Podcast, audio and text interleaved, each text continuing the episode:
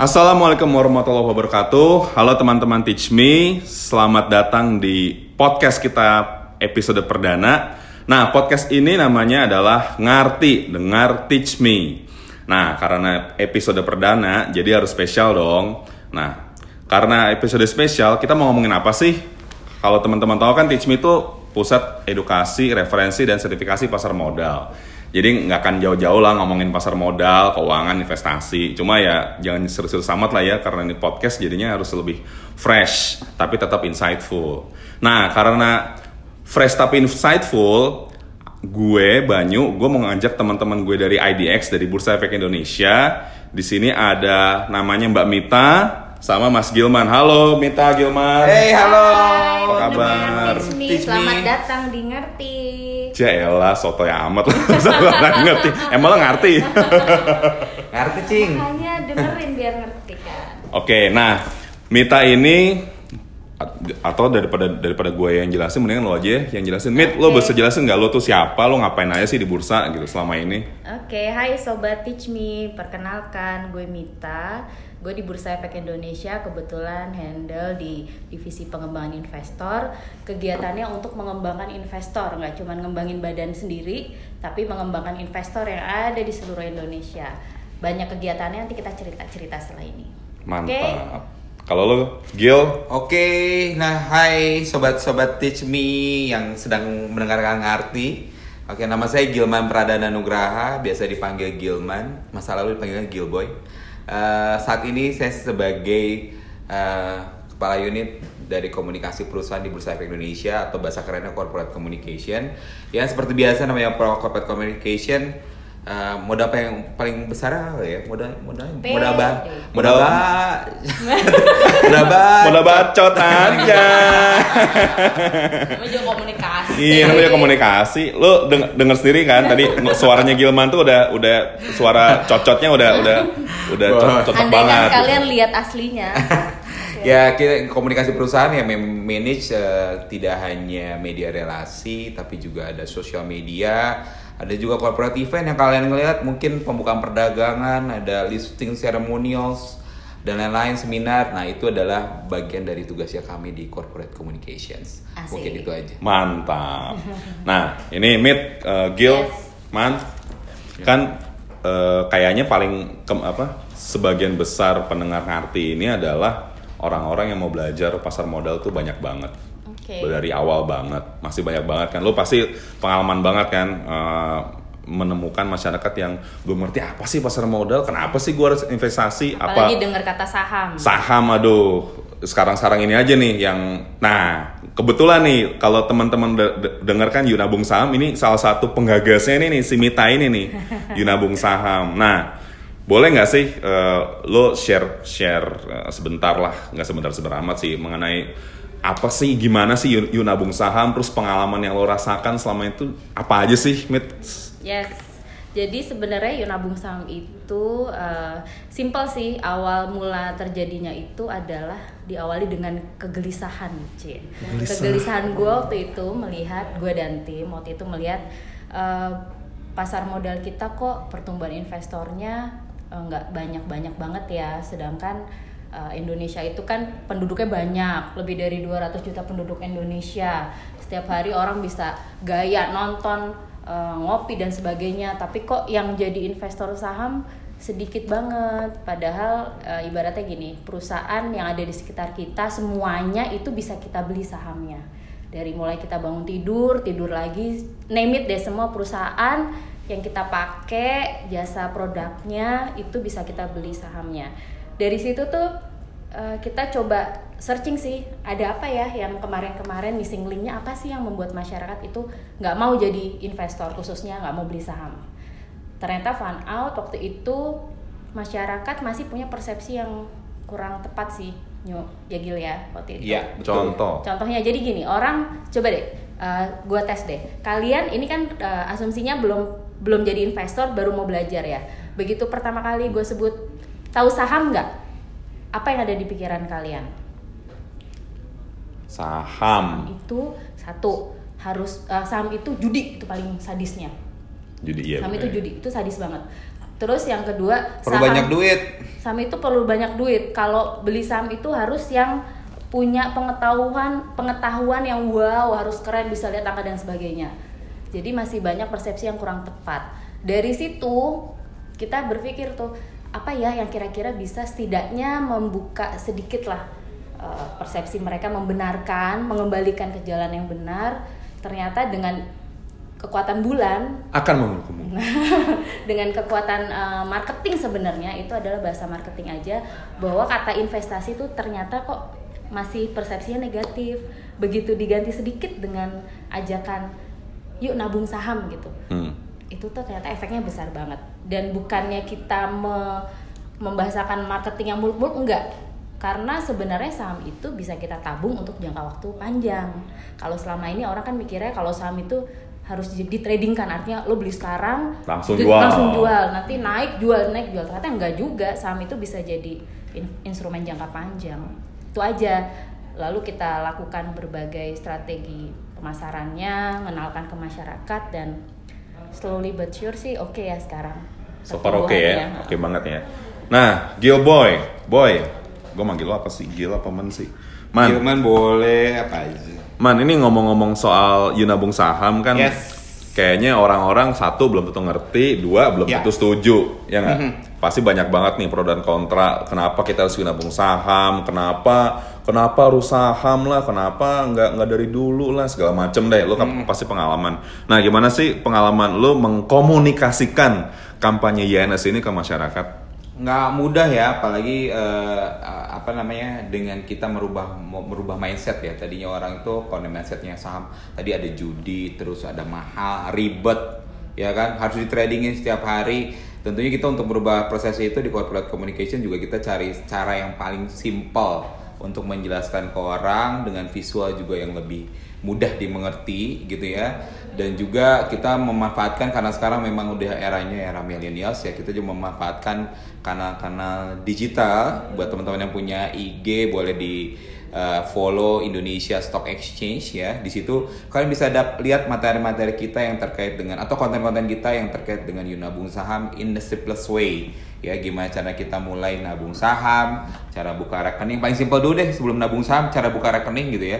Karena orang juga udah takut duluan ribet duluan. Ingat loh Iya. teman-teman investasi yang benar adalah investasi yang ribet di depan Oh apa tuh investasi yang Eh, benar investasi di ribet depan? Maksudnya gini, banyak isi formulir, Ah. banyak yang harus kita tanganin. Karena apa? Kita bicara dengan banyak eh, apa namanya poin-poin hukum di situ. Tapi kalau investasi yang bodong, kau lihat deh. Kalau kalian lihat investasi bodong yang ada di masyarakat, pasti paling cuma ngisinya cuma satu form doang, ya, satu tanda tangan, udah beres kalian transfer duit, eh duit kalian hilang. Cap Gitu jempol ya. juga bisa kali ya? Eh, cap jempol juga bisa kali. Atau langsung transfer udah bisa. Simple, as simple as that karena orang pengennya yang ngambil duit orang gitu ya. Jadi se sesimpel mungkin. mungkin. Jadi kalau baik lagi kalau investasi yang benar memang akan ribet di depan, banyak yang harus kita isi formnya.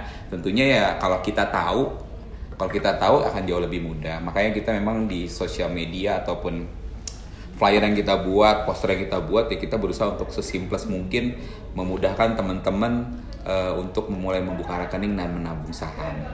karena memang ya Nyo ya kita perhatikan eh, masyarakat itu selain tadi persepsinya masih kurang tepat kurang tepat sorry tapi juga karena mereka memang belum tahu Nyo yang mana ya maksudnya Hmm, belum banyak tahu. masyarakat tuh belum tahu gimana sih caranya kalau gue mau jadi investor saham Oh. gimana sih caranya gue kalau mau beli saham gimana sih caranya gue mau beli reksadana dan lain-lain memang karena belum tahu makanya memang mulai mulai tiga tahun ke belakang Hmm.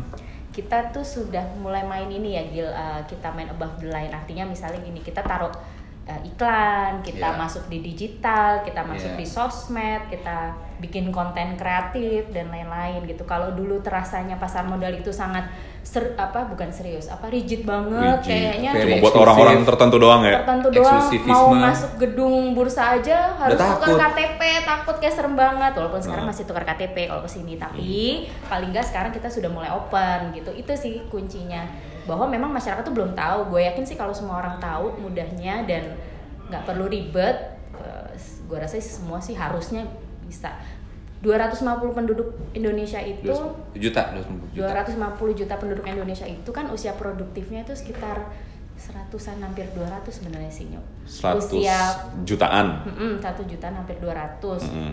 Masa kita nggak dapat 10 persennya Iya, sekarang berapa sih Mit jumlah investor di Indonesia? Tawa deh. Eh, kalau by data, by kemarin itu eh, saham dan reksadana sudah menyentuh angka satu setengah juta Satu setengah juta. orang. Nah. Kelihatan besar, tapi kalau kita bandingkan percentage ke jumlah penduduk Indonesia memang masih kecil banget. PR kita masih panjang, artinya room to growth-nya masih panjang. Masih banyak orang-orang yang harus kita brainwash untuk jadi investor, termasuk kalian semua yang dengerin sekarang. Kalian harus jadi investor. Ka- karena rugi momennya sorry karena baik lagi kalau kita lihat investor-investor yang sukses itu bukan masalah dia investnya apa tapi mulainya kapan Iya, iya, iya. ya coba nanti kalian bisa buka kan ada referensi investor yang sukses sebenarnya uh, lebih kepada startingnya kapan dibandingkan gue harus invest apa atau berapa duit yang harus gue investkan? Berani aja dulu. dan aja dulu. Seeing is believing my man. Iya, Bang. Nah ini kayaknya mungkin ya beberapa pendengar kayak denger ah lu mau ngemeng gampang lu sendiri tahu nggak? Lu sendiri kapan? Nah sekarang gue tanya balik nih Mit eh, sama Yes. Gilman lu Ya. sendiri kapan sih lu tahu pasar modal atau tahu saham tuh kapan? Cerita, bisa bisa jadi cerita diceritain nggak? Ini panjang nih jadi ceritanya. Nggak apa-apa ya. Ya dari awal dari awal aja. Lu tahu dari mana sih? Saham. Siapa dulu Nita dulu gue dulu ya lu lu, lu dulu boleh Ya, sih Gilman mungkin lu boleh dulu dulu dulu. Jadi gue tahu saham kalau tahu pasar modal itu waktu gue kuliah. Ya pertama kali gue waktu itu ada kunjungan. Baik lagi ya teman-teman, seeing is believing. Eh, waktu itu gue masih semester Kuliah di 3. mana? Kuliah di saya kuliah di salah satu institusi pertanian di Bogor ah, satu-satunya ya. oh, satu-satunya So, Larinya ke pasar modal. nah itu akan karena IPB bukan lagi menjadi Institut Pertanian Bogor tapi sekarang Institut Pasar Modal Bogor. Eh. PMB Oke, jadi eh, waktu gue masih di IPB, and then kita ada biasalah bi- trip ya. Eh, kita ada trip, ada eh, trip waktu itu ke bursa dan juga ke BI.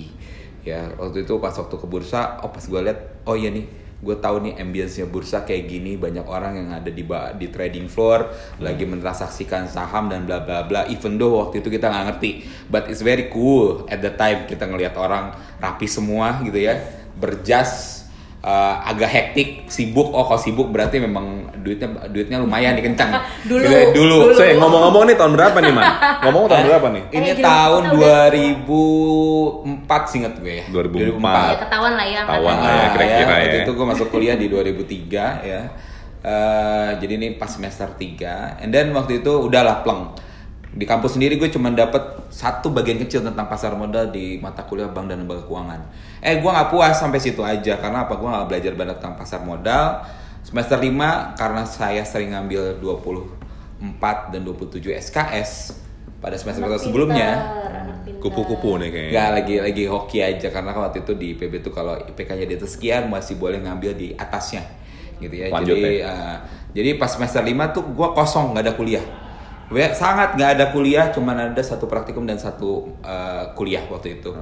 Sehingga saya memutuskan waktu itu daripada ngendon aja di Dramaga ya yang nun jauh di sana itu akhirnya untuk hari-hari kosong saya datang ke UI ke Universitas Indonesia kamp- kampusnya Banyu eh, pakai kereta ekonomi waktu itu yang bareng sama kambing bareng sama yang jualan tahu ya jualan jepit rambut ada lah pokoknya semua di situ ya Tarahu, pada saat itu and then ke UI hampir tiap hari eh, baca di perpustakaan tentang capital market sama di eh, waktu itu ada galeri investasi ya pojok bursa Iya, pojok namanya. bursa. pojok bursa seingat saya itu dana reksa waktu itu Iya. Nah, bentar nih, Man. Lu ini biasa biasanya kalau gue dulu ya mahasiswa nganggur kalau misalnya ngapa-ngapain ya gue paling main main PS gitu ya lu lagi nganggur nggak ada kuliah jauh-jauh main ke UI ini cerita beneran gak sih Ini cerita beneran. Sebenarnya gue motifnya dua. Satu emang gue pengen belajar. Dua. Dua yang tahu- yang paling penting nih. Nah, yang ini yang kedua yang kedua apa Ini ini yang paling penting nih. Gebetin cewek-cewek yang ada di FISIP ataupun di FE. Karena gue gak cuman ke FE doang. Gue belajar di FISIP juga di hubungan internasional. Waktu itu kan mereka suka banyak seminar, conference. Nah itu gue ikut. Maklum mahasiswa gelap lah ya. Eh, Karena gue gak punya kuliah. Udah gue ikut-ikut aja deh. nah pertanyaan gue emang di EPB kagak ada nyantol Ah, Alhamdulillah ada cuma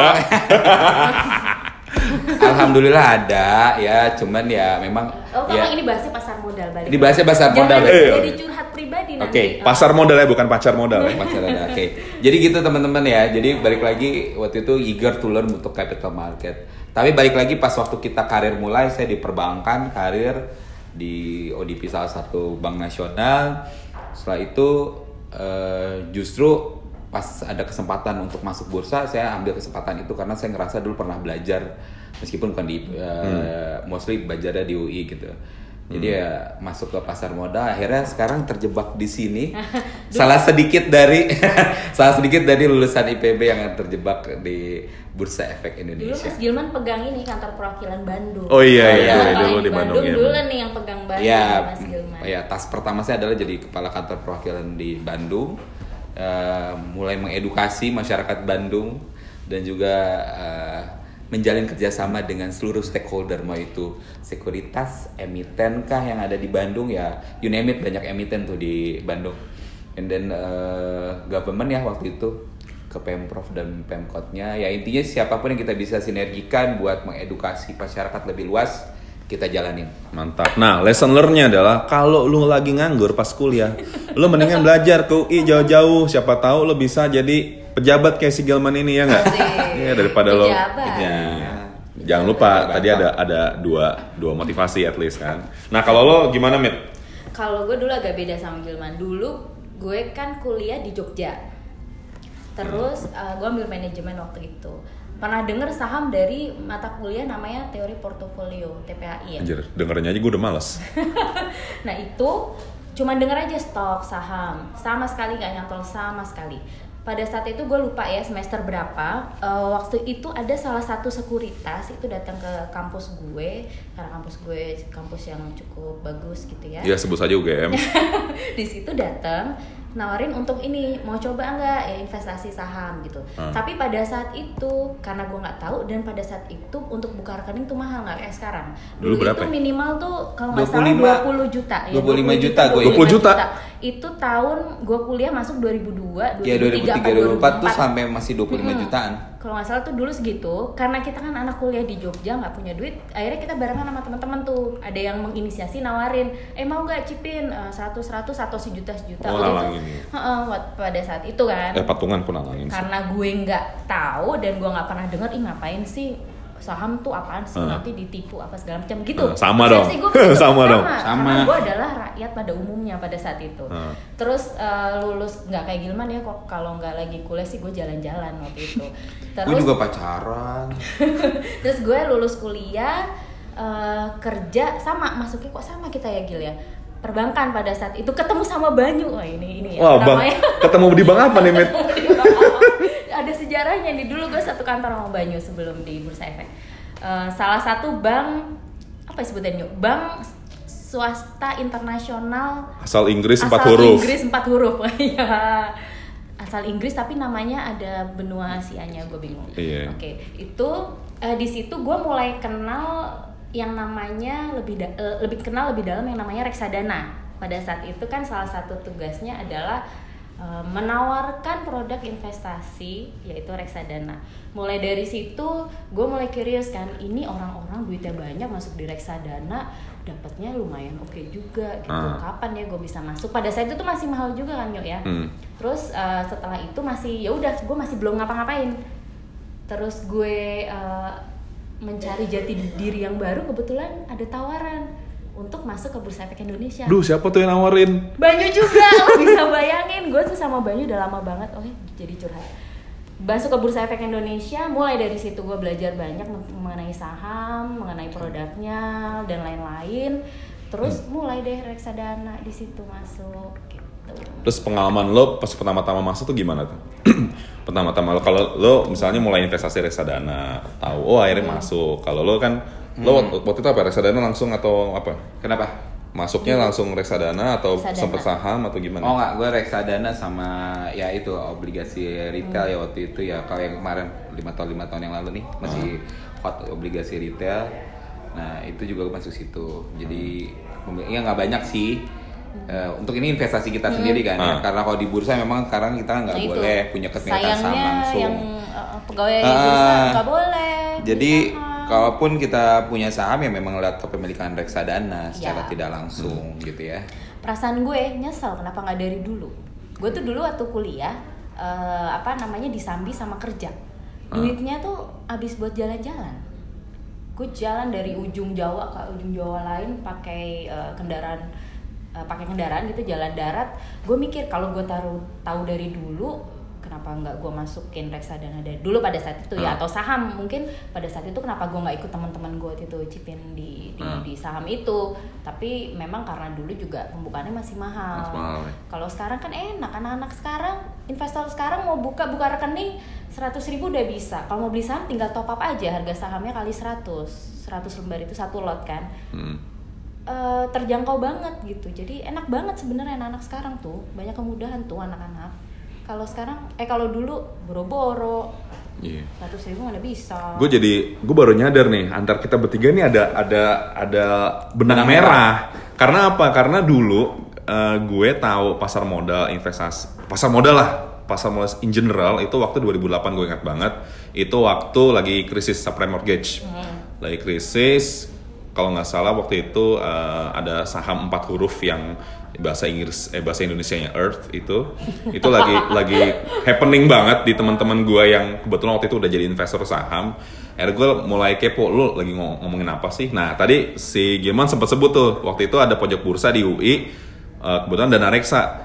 Nah gue dulu belum tahu gue tahu nih ada dana reksa di di kampus gue cuma gue nggak apa Eh, iya satu itu apa? Ke- terus ke- kedua pertanyaan gue adalah bukannya reksadana ya? Ini dana reksa apa reksadana sih? Gitu. Pertanyaan bodoh banget. Apalagi untuk mahasiswa ekonomi gitu. Kan dana reksa di ekonomi nyu. Kenapa? Dana reksa di ekonomi Iya, apalagi Gimana dana reksa tuh di FE gitu. Nyu? apa-apaan Nyu? jadi gue berasa berasa bodoh banget setelah gue tahu gitu. Lu sebagai mahasiswa ekonomi lu nggak tahu pasar modal. Nah akhirnya pas gue udah lulus waktu itu gue emang kan cita-citanya mau mau mau kerja di bank waktu itu. Ya standar lah mahasiswa ekonomi kerja di mana sih? Nggak jauh-jauh lah kerja di bank. Masuk IPB juga. Iya, bor- boro-boro mau kerja di bursa Gimana ada. Dulu nggak tahu kalau ada ada karir di dunia pasar modal gue nggak tahu. Iya makanya dulu mindsetnya emang pasar modal tuh atau orang tertentu aja gitu. Iya, kayak kamu mau kuliah di pasar eh mau kerja di pasar modal ada seleksinya gitu. Dikit-dikit. Nah pas gue masuk di bursa waktu itu sama kayak kayak pengalaman si si Mita. Jadi ya kayak ini kita satu satu link nih. Cuma gue kalau kalau sama Mita gue tau lah gue dulu emang emang satu, satu kerjaan. Cuma sama Gilman gue nggak nggak nyangka dia ketaunya tuh justru di UI gitu jauh-jauh jauh jauh-jauh ke UI gitu. Jadi sebenarnya pengalaman kita sama sih. gitu. Iya benar. Nah terus setelah eh, lo eh, jadi investor atau lo tahu pasar modal, lo ada ini gak sih ada pengalaman yang yang bisa lo lo bagi gitu ke ke pendengar ngerti ini? Eh, sebenarnya jangan takut untuk belajar ya. Eh, balik lagi ya ya pengalaman kita bertiga bisa jadi empat acuan buat kalian semua. Sebenarnya kalian kalau bisa lebih mulai lebih awal lagi, lebih, lebih tahu lebih banyak dibandingkan kita zaman dulu ya. Sebenarnya kalian bisa juga starting lebih awal dan lebih sukses dibandingkan kita semua gitu ya. Mau itu dalam hal karir pasar modal ataupun sebagai investor di pasar modal. Eh, pesannya adalah eh, jangan membatasi diri kalian mulai secepat mungkin ya. Kalau mau lari-lari kalau jatuh bangun lagi lari lagi gitu ya. Itu juga kan sebenarnya mental investor emang seperti itu. Iya. Eh, eh, apa namanya balik lagi investasi bukan yang tanpa resiko selalu ada resiko dan itu yang kita harus manage gitu ya. Dan kita harus tahu dan be a great person gitu ya. Eh, dan selalu apa ya ya selalu mau belajar itu aja sih Nah lo pengalaman kan selama ini kayaknya kalau orang-orang tuh denger, ayo nabung saham tuh kayaknya positif-positif mulu gitu. ah Nah sekarang gue mau nanya nih pengalaman pahit lo sebagai investor apa sih? Iya Lu pasti di turunnya eh, kalau di reksadana ya turunnya NAB lah ya sama aja kayak Simply harga turun saham aja ya? si- Simply turun ya eh, terus kita lagi butuh buat cairin cuman lagi di floatnya lagi lagi turun gitu kan. Ah. Kalau kita jual rugi gitu kan. Ya, Semua dilemanya sama. Eh, iva- jadi investor mau di reksadana kayak mau di obligasi kayak atau mau di saham kayak kadang dilemanya itu pas lagi kita lagi mau cairin eh posisinya lagi eh, floating loss gitu. Kalau kita jual ya jadinya akru, akru loss. Ya itu kadang-kadang orang nggak ngerti tuh man. Iya. Kadang-kadang orang mikirnya indeks lagi turun gitu lagi merah, uang kita langsung hilang padahal enggak. Enggak, padahal itu a floating loss. Jadi sebenarnya balik lagi konsep namanya juga saham. Saham itu surat berharga, bener ya? Surat berharga apa sih yang lu tahu semua teman-teman uh, Teach Me? Sobat. Teach Me? Surat ada Surat harganya. sertifikat Surat yang tanah, ada tanah, sertifikat sertifikat tanah ini bukan surat berharga bukan? Hmm. Iya kan? Hmm. So trade eh, apa namanya perlakukan saham yang dulunya adalah lembaran sama kayak kalian punya sertifikat rumah. Bedanya sekarang sertifikat rumahnya digital. Ya kan? Sama aja. Jadi itu adalah makanya kalau kalian lagi pakai rumahnya dan kalian lagi nggak mau jual, ya kan? Kira-kira gimana? Bisa kalian simpan nggak terus? Iya. Bisa, ya. bisa kalian simpan terus jadi prinsipnya seperti itu namanya juga surat berharga lo kalau butuh-butuh amat nggak akan jual rumah lo kan Hmm. gitu kan jadi intinya dan itu adalah investment kata lo bilang oh, rumah naik terus tanah naik Iya. terus gitu kan Hmm. ya lo pegang buktinya apa sertifikat sama dengan hanya ini kita dulu memang saham itu juga sertifikat itu juga surat berharga. Jadi treat as treat that as a, a- apa kalau kita bilang security security kan surat berharga ya. Itu sih mindsetnya. Kadang orang kan suka suka memperlakukan namanya saham tuh ngawang Iya. nggak ada barangnya. Hmm. come on man ini 2018 itu udah ada fatwa MUI ya terkait dengan mekanisme perdagangan saham yang memang sesuai dengan syariah kalau nggak percaya nih sa- saham itu syariah lu datang deh ke Arab Saudi lu datang deh ke Qatar negara-negara yang punya memang menerapkan hukum Islam. Ada nggak bursa efek di sana? Ada nggak saham di sana? So seeing is believing. Lu datang ke Kuala Lumpur Malaysia juga eh, pakainya hukumnya hukum syariah gitu Oh, ya. iya. di sana ada nggak bursa Malaysia? Ada. Ada saham syariah? Ada. Jadi balik lagi kalau kita terima informasi boleh kita digest ya tapi kita juga harus cermat cari faktanya jangan percaya hoax seeing is believing balik lagi situ Tapi yang menarik ya, semua investor sukses itu pasti pernah mengalami yang namanya kerugian di investasinya. Tapi yang pinter adalah pada saat eh, pasar itu turun, itu saatnya masuk sebenarnya. Nah, lo bisa jelasin nggak pada saat turun itu saatnya Ah, masuk iya. itu apa nih? Gini. Lagi turun terus tiba-tiba masuk ini apa? Kalau kalau gini, kalau toko aja sel orang datang bondong-bondong. Kalau apa? toko-toko nih Toko, brand-brand iya. semua itu Oh, lagi diskon, orang ya. lagi diskon gitu. Ah. Kenapa nggak eh, mindset kita kalau pas lagi pasar turun, saham yang kita beli turun itu lagi sale, lagi diskon. Kenapa nggak kita masuk aja? Hmm. Kenapa gue bilang gitu? Karena gini, once kita menentukan, oke gue beli saham satu perusahaan ini, pasti kan sudah melalui berbagai analisis kan. Hmm. Minimal sederhananya adalah fundamentalnya. Gue tahu eh, bisnisnya, gue Hmm. tahu produk yang dipakai masyarakat sehari-hari kalau mau agak dalam dikit gue baca laporan keuangannya masih untung Hmm. ya kan Eh, dan trennya masih bagus dan gu- eh, kita tinggal di Indonesia bersyukurlah kita masih negara berkembang. Artinya kita belum negara maju gitu. Artinya kita akan bergerak menuju negara maju. Jadi investor asing aja banyak masuk ke kita karena apa? Karena return kita tinggi. Negara maju tuh udah nggak kasih return tinggi lagi kayak di kita. Bunga bank juga nggak ada di sana. Uh, investor mau taruh saham asing malah masuk ke kita karena kita kasih returnnya bagus banget gitu. Kenapa nggak mindset kita gitu aja? Kalau pas lagi saham kita turun masuk aja. Dan yang paling penting ya itu supaya nggak stres, supaya nggak pernah dengar kan uh, teman-teman sobat Teach Me uh, berita yang nggak enak banget. Oh ya gara-gara sahamnya turun ada yang sampai bunuh diri dan sebagainya gitu Hmm. Ya jangan sampai begitu juga ngapain kayak gitu? Karena kan e, konsepnya kalau investment itu kita sisihkan dana kita di awal. Nggak pakai semua dana kita juga dong nggak nggak gambling juga. Ibaratnya gini kalau yang mahasiswa taruh semua uang bulanannya untuk e, di saham kan nggak begitu juga. Itu kan kalau ilmunya financial planning kan itu ada bagian dari pendapatan kita yang kita sisihkan untuk investment. Artinya nggak semuanya. Artinya kalau ada risiko itu turun ya hidup kita nggak akan berhenti di situ. Kita masih punya tabungan lain kita masih punya uang di bank kita masih punya nanti ada deposito. Kalau yang suka uh, invest investing di real uh, sektor real punya rumah tanah dan sebagainya artinya gitu ya nanti Hmm. kalau punya duit banyak. Nggak usah takut gitu. Tapi semua investor sukses itu sudah mengalami yang namanya rugi sahamnya turun reksadananya dan sebagainya. Tapi yang bisa berhasil adalah mereka yang bisa ambil keputusan Mereka yang bisa ambil keputusan. keputusan dan berani untuk ngambil keputusan dan nggak takut kalau pasarnya turun. Selama kita percaya Indonesia masih maju, ngapain takut sih? Nah, ya ini penting sih, uh, Mit. Gue jadi uh, merasa ini uh, apa sobat sobat Ichmi wajib denger ya. Jadi kalau dari fundamental ekonomi kita sudah sudah terbukti itu kuat, jauh lebih kuat. Lo compare ke 98 ke 2008 tuh kita jauh lebih kuat. Jadi dari sisi fundamental udah udah bagus banget.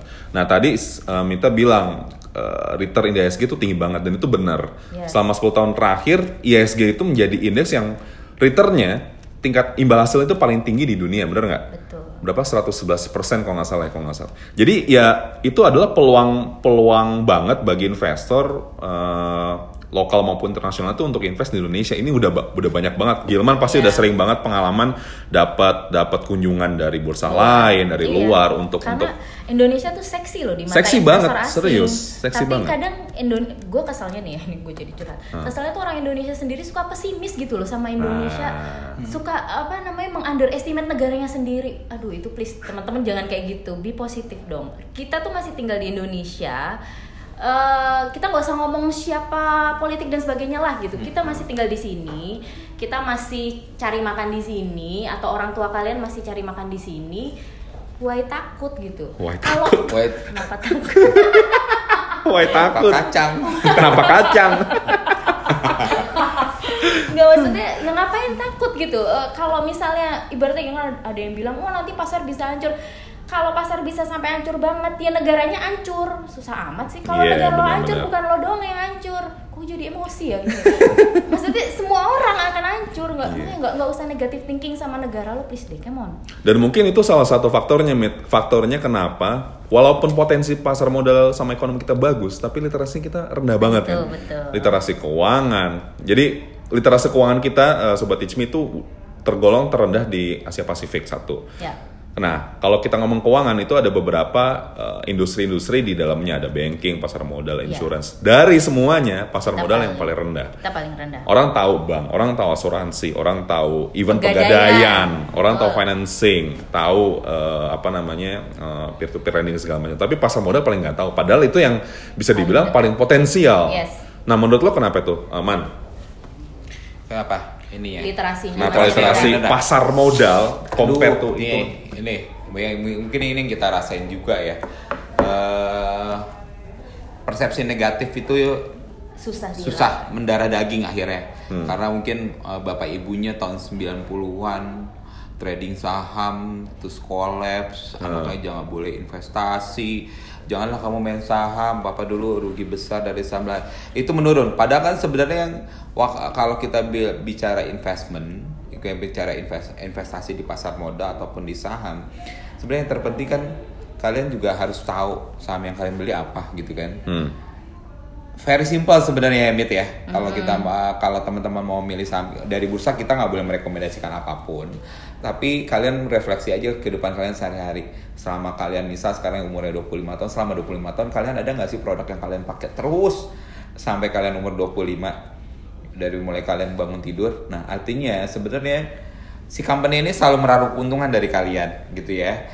Kenapa nggak kalian sih jadi pemiliknya mereka juga dengan membeli sahamnya mereka gitu ya. Jadi eh, itu yang pertama adalah karena tadi turun menurun tuh persepsi negatif itu yang dibangun tuh akhirnya mendarah daging sehingga memang kita perlu effort ekstra di saat sekarang untuk mengedukasi masyarakat. Bahkan orang yang udah tahu, oh ya saya mau beli saham tuh ya pas udah udah punya rekening saham ini tiap hari trading. Karena saya dulu ngeliatnya kayak gini gitu kan. Harusnya harus trading tiap hari dan bla bla bla. Persepsi salah yang kedua ya itu namanya saham tuh jadi main saham. Main saham. main, ya Kan kalau main ya main-mainan aja Mainan akhirnya nggak- nih. hasilnya mah nggak ada yang diuntungkan. Nggak ada yang diuntungkan ya kan? Karena memang main, mindsetnya main. Padahal itu adalah investment investasi buat jangka panjang. Kenapa kita pakai mindset nabung? Biar kalian tuh konsisten. Bulan ini beli eh, ya kalian bulan ini berinvestasi bulan depan berinvestasi lagi. Rutin kalau ya. ternyata pada dalam perjalanan investasi kalian lagi turun let it be. Toh it is an asset. Kalian bisa di eh, kalian bisa simpan dalam jangka panjang jadi no hard feeling kalau memang lagi turun ya udah tapi kalian tetap beli toh kalau kalian beli lagi misal eh harga harga cabai lagi turun ya udah gue beli ah yang jualan nasi padang senang karena apa dia pro, jua- biaya produksi bikin rendang lebih rendah Iya benar. Iya nggak? Iya. Jadi kalau kalian lihat harga turun bukan semata-mata jangan negatif impactnya dulu, tapi ada positif impact. Artinya apa? Kalian punya biaya perolehan atau cost lebih rendah. Kalau kalian beli produk tersebut gitu ya. Atau, Nah itu loh yang harus kalian pegang as a principle of investment gitu ya. Jangan takut karena balik lagi eh, kris, eh, waktu membuktikan bahwa krisis yang kita pernah alami tahun berapa ya tuh 9 98. 98 and then 2008 sampai 98. mortgage ya kan Sekarang katanya Terus katanya kan sekarang sekarang. sekarang gitu ya tapi dari krisis-krisis yang udah pernah kita lewatin satu hal yang pasti teman-teman yang kita bisa lihat dari data market kita tuh market kita nih bursa efek kita atau investasi kita itu recovery-nya paling cepat di antara semua negara. Paling cepat dan naiknya lebih tinggi daripada penurunan. iya, nah, naik- itu Iya, tadi yang jadi bilang. trennya masih positif gitu ya. Even kita kena krisis turun bentar naiknya ternyata ternyata lebih tinggi lagi. Gitu. Oke, kalau gue melihatnya ini tantangan sih. Memang eh, nasibnya Indonesia adalah satu negara yang tersebar dari Sabang sampai Merauke. Hmm. Jangkauannya tuh sangat luas. Kalau gue bayangin kayak Singapura yang kotanya terpusat, Ah. segitu-gitu aja orangnya. Kalau kita mau ngeliterasi tuh gampang gitu. Tantangan kita tuh yang memang dihadapi pemerintah dan mungkin bursa efek pada saat itu dan semua pelaku pasar karena kita tuh kesebar banget nyok dari Aceh sampai Papua yang kita pusatkan selama ini kan memang masih Jawa kan. Tapi untungnya kalau Bursa Efek sekarang punya kantor perwakilan di seluruh uh, provinsi di Indonesia hampir seluruh provinsi di Indonesia. At least kita sudah memulai untuk uh, memberikan edukasi tentang pasar modal ke seluruh uh, masyarakat Indonesia. Dan yang kedua memang untuk meliterasi pasar modal itu uh, memang perlu effort lebih uh, tinggi daripada produk keuangan lain. Kalau tadi Banyu sempat sebutkan ada pegadaian, ada bank. Kalau bank orang tahu lah semua sekarang semua aktivitas keuangan pasti pakai bank. Hmm. Pegadaian kan gampang jelasinnya. Iya. Kalau lo butuh duit, lo punya emas, gadein, Gadein aja, aja. selesai. Hmm. Lo punya STNK motor, gadein aja. Lo punya apa, gadein aja, selesai. That's it, selesai. Lo nggak perlu diajarin gimana caranya menakar nilai emas lo atau apa Yeah. gitu. Itu Hmm. kan eh, mudah dijelasin. Kalau pasar modal kan nggak gitu, nggak bisa cuma bilang eh ayo lo beli saham nanti akan naik bagus kan nggak bisa gitu. Kalau pasar modal kan lo harus eh, at least belajar minimal tahu deh saham itu apa, bagaimana belinya, eh, apa yang harus diperhatikan kalau beli saham gitu. Jadi memang ada satu step yang harus dilalui. Makanya memang untuk kenaikan literasinya eh, apa belum seperti yang kita harapkan karena ya effortnya itu menjangkaunya harus lebih banyak dan effortnya harus lebih nggak bisa cuman nawarin sabun eh ini gue punya sabun lo Hmm. beli cobain enak Hmm. beli gitu kan nggak bisa gitu Iya. tantangan sih nyuk Iya itu tadi menarik sih. Kayaknya memang kenapa literasi yang lain di sektor eh di industri keuangan itu lebih tinggi daripada pasar modal karena memang balik ke kebutuhannya. Kenapa eh, banking literasinya tinggi? Karena orang semua butuh bank. Orang butuh bank otomatis belajar sendiri. Iya. Orang butuh eh, pegadaian, orang butuh even BP, BPJS. Tapi ketika orang butuh pasar modal, orang butuh saham, orang belum belum belum kerasa gitu. Gue gue butuh saham atau butuh eh, instrumen pasar modal itu untuk masa depan. Padahal Iya justru padahal justru mereka justru itulah eh, instrumen yang paling akan membantu kita di masa depan gitu kan. Ya paling PR-nya men- me- menimbulkan kebutuhan itu sih. Men- iya, menyadarkan orang bahwa eh sebenarnya kalian butuh loh Sebenarnya kalian investasi. butuh loh. investment investasi di pasar modal beli saham reksadana dan sebagainya itu adalah investasi yang paling terjangkau tau gak teman-teman? Lu kalau mau beli rumah tunggu duit lo banyak Ah, untuk itu- punya rumah. iya, iya, iya. lo kalau mau investasi lo beli tanah lo duitnya harus banyak. Lo kalau lo harus punya ratusan juta dulu buat bisa beli rumah. Teman-teman yang mahasiswa yang mungkin first jobber juga bisa kok punya investasi dari pasar modal kalau punya duitnya nggak nggak nggak nggak nggak Kan mulai dari seratus ribu juga. iya. Mulai dari seratus ribu sekarang siapa yang nggak punya duit seratus ribu? Iya. Kan? ada nggak? Ya minimal bisa kumpulin itu tiap bulan ya kan minimal seratus ribu buat beli saham. Biar nanti ah nah, belum kerasa nih uh, profitnya segala let it be. Jadikan itu uang belajar buat Let kalian. it be, Jadi kan itu uang belajar buat kalian gitu ya. Jadi nanti saat kalian udah punya kerjaan lebih bagus uang lebih banyak kalian udah tak udah tahu kalau kalian bisa manage duit yang kecil duit yang besar jadi nggak masalah. Tapi berbahaya kalau sebaliknya nih kalau kita udah di depan lamsam gede gitu ya lamsam gede tanpa kita berpengalaman gitu ya. Hmm. Eh, terus investasi langsung aja nih ratusan juta gitu ya beli saham A B C D E pas jatuh nangisnya setengah mati ya kan? Karena dia juga udah se- sebenarnya dia belum berpengalaman gitu ya. Jadi balik lagi kalau kalian udah bisa manage duit yang kecil duit yang gede insya Allah nggak ada masalah. Tapi kalau kalian uh, mulai dari duit yang gede terus ber- belum berpengalaman nggak punya jam terbang nggak pernah lihat resiko gitu ya nggak mau lihat resiko itu yang bahaya. Oke. Nah, balik lagi nih ke pertanyaan pertanyaan atau concernnya Mita tadi tuh. Ada beberapa mungkin yang udah udah tahu, udah udah tertarik nih sama saham atau sama pasar modal, tapi nggak tahu caranya. Nah, lo boleh ceritain nggak? Kalau misalnya gue mau invest saham atau gue mau nabung saham, itu gue mesti ngapain nih? buka rekening Buka rekening di buka mana? rekening efek di perusahaan sekuritas Eh, walaupun katanya anak-anak sekarang tuh males baca tapi eh, tolong teman-teman sobat teach me kalau mau cari informasi ya harus cari gitu coba masuk ke websitenya Yunabung Saham yunabungsaham.idx.co.id gue ulang yuknabungsaham.idx.co.id di situ ada list eh, perusahaan-perusahaan sekuritas yang eh, apa partner sama kita untuk kegiatan Yunabung Saham artinya yang mereka memberikan kegiatan edukasi. Jadi bisa pilih di situ sekuritasnya mana aja. Banyak yang nanya gue pilih sekuritasnya yang mana? Ada rekomendasi nggak? Bla bla bla. Eh, basically semua perusahaan sekuritas itu sama. Tinggal kalian cocoknya di mana. Ada orang yang eh, oh gue maunya BUMN aja atau enggak gue maunya yang lokal gue maunya yang asing itu bebas. Sama aja kok lu buka rekening di mana aja harga sahamnya juga sama tetap Barangnya juga nggak- sama ya? barangnya juga sama. Itu cuman istilahnya kan mereka makanya namanya broker perantara aja. Hmm. lu buka rekening di situ kalau udah buka rekening habis itu udah rekening jadi transfer dana pilih deh sahamnya di situ Iya kalian jangan kalah ya sama ini sama main kita baru pulang dari Hong Kong ya Mbak ya. Oh di iya, sana benar. di sana banyak migrant workers ya eh, tenaga Pekerja kerja- migran pekerja migran Indonesia. migran Indonesia tenaga kerja yang dulu sebetulnya memang tenaga wanita ya karena memang mostly wanita ada di sana Eh, dan mereka punya saham punya reksadana punya Serius? obligasi. Iya. serius and then dia mau lihat online trading kita nggak Terus pas kita lihat kok duitnya banyak ya banyak kan dia dari banyak kan dia dibandingin kita. Ya pahlawan So, devisa cuy. Iya, ya, jadi banyak loh, meskipun mau meskipun profesi mereka mohon maaf teman-teman mereka memang ada banyak, mostly ada pembantu Ah, rumah tangga, ah, asisten rumah tangga, Blue collar lah, blue ya kita sebut blue collar job sana. Tapi mereka happy karena mereka ada sampai satu orang yang bilang nggak apa-apa aku kerja gini di sini Ah. gitu sebagai asisten rumah tangga tapi yang penting uangku bekerja buat aku Mantap. Oh, lo. Biar kalau bekerja buat itu yang ngomong pekerja migran lo. Mampus gak lu pas denger itu? Gue langsung sek. Kok gue jadi kesinggung ya gitu ya? Bukan kesinggung, maksudnya dek gitu ya. Gue ke mana aja dia aja maksudnya ya udah dia kerja sebagai asisten rumah tangga ngurus anak orang gitu ya mungkin juga di, sering dimarahin majian segala macam. Dia nggak nggak nggak ada masalah mau kerja begitu yang penting Masa uang gue uang gue masih tetap bekerja buat gue. Dia punya Anjing. saham punya reksadana kan nyebelin ya. Jadi balik lagi teman-teman jangan mau kalah. Mungkin tingkat pendidikan kalian lebih tinggi daripada yang kita ketemuin di sana.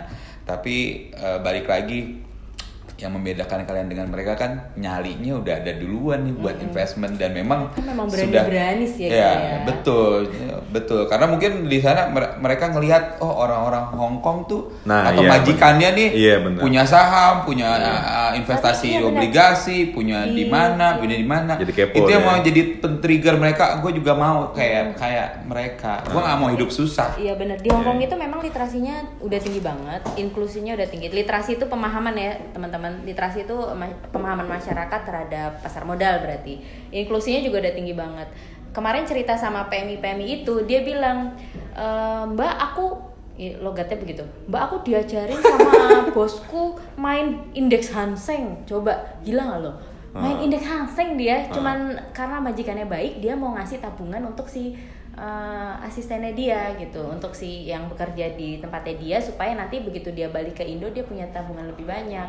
Dan bagi mereka apalagi untuk investasi di pasar modal ternyata sudah melek jauh lebih melek dari dari kita. Malu lah kalau yang lain malah enggak gitu. Iya. itu Ya ini menurut menurut gue suatu suatu facts yang mind blowing banget sih. Bayangin kita udah Indonesia udah potensi udah gede banget, tapi sayangnya literasi masih rendah. Kenapa masih rendah? Kita bertiga juga ngalamin kenapa masih Iya. rendah. Karena kita juga nggak tahu. Even sebagai mahasiswa satu kita juga nggak tahu gitu. mahasiswa satu ekonomi pula Ekonomi pula gue nggak ekonomi loh nggak tahu.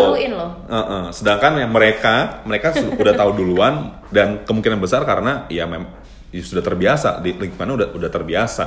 Jadi yang paling yang paling mungkin untuk dilakukan adalah ya ya silakan belajar dulu terus ya Kalau udah mau belajar ke mana nyu kalau belajar nah kalau untuk bener-bener belajar dari nol, teman-teman tuh bisa ikut SPM di Sekolah Pasar Modal. Pasar namanya. Modal. Di sekolah pasar modal.idx.go.id itu teman-teman bisa langsung daftar aja.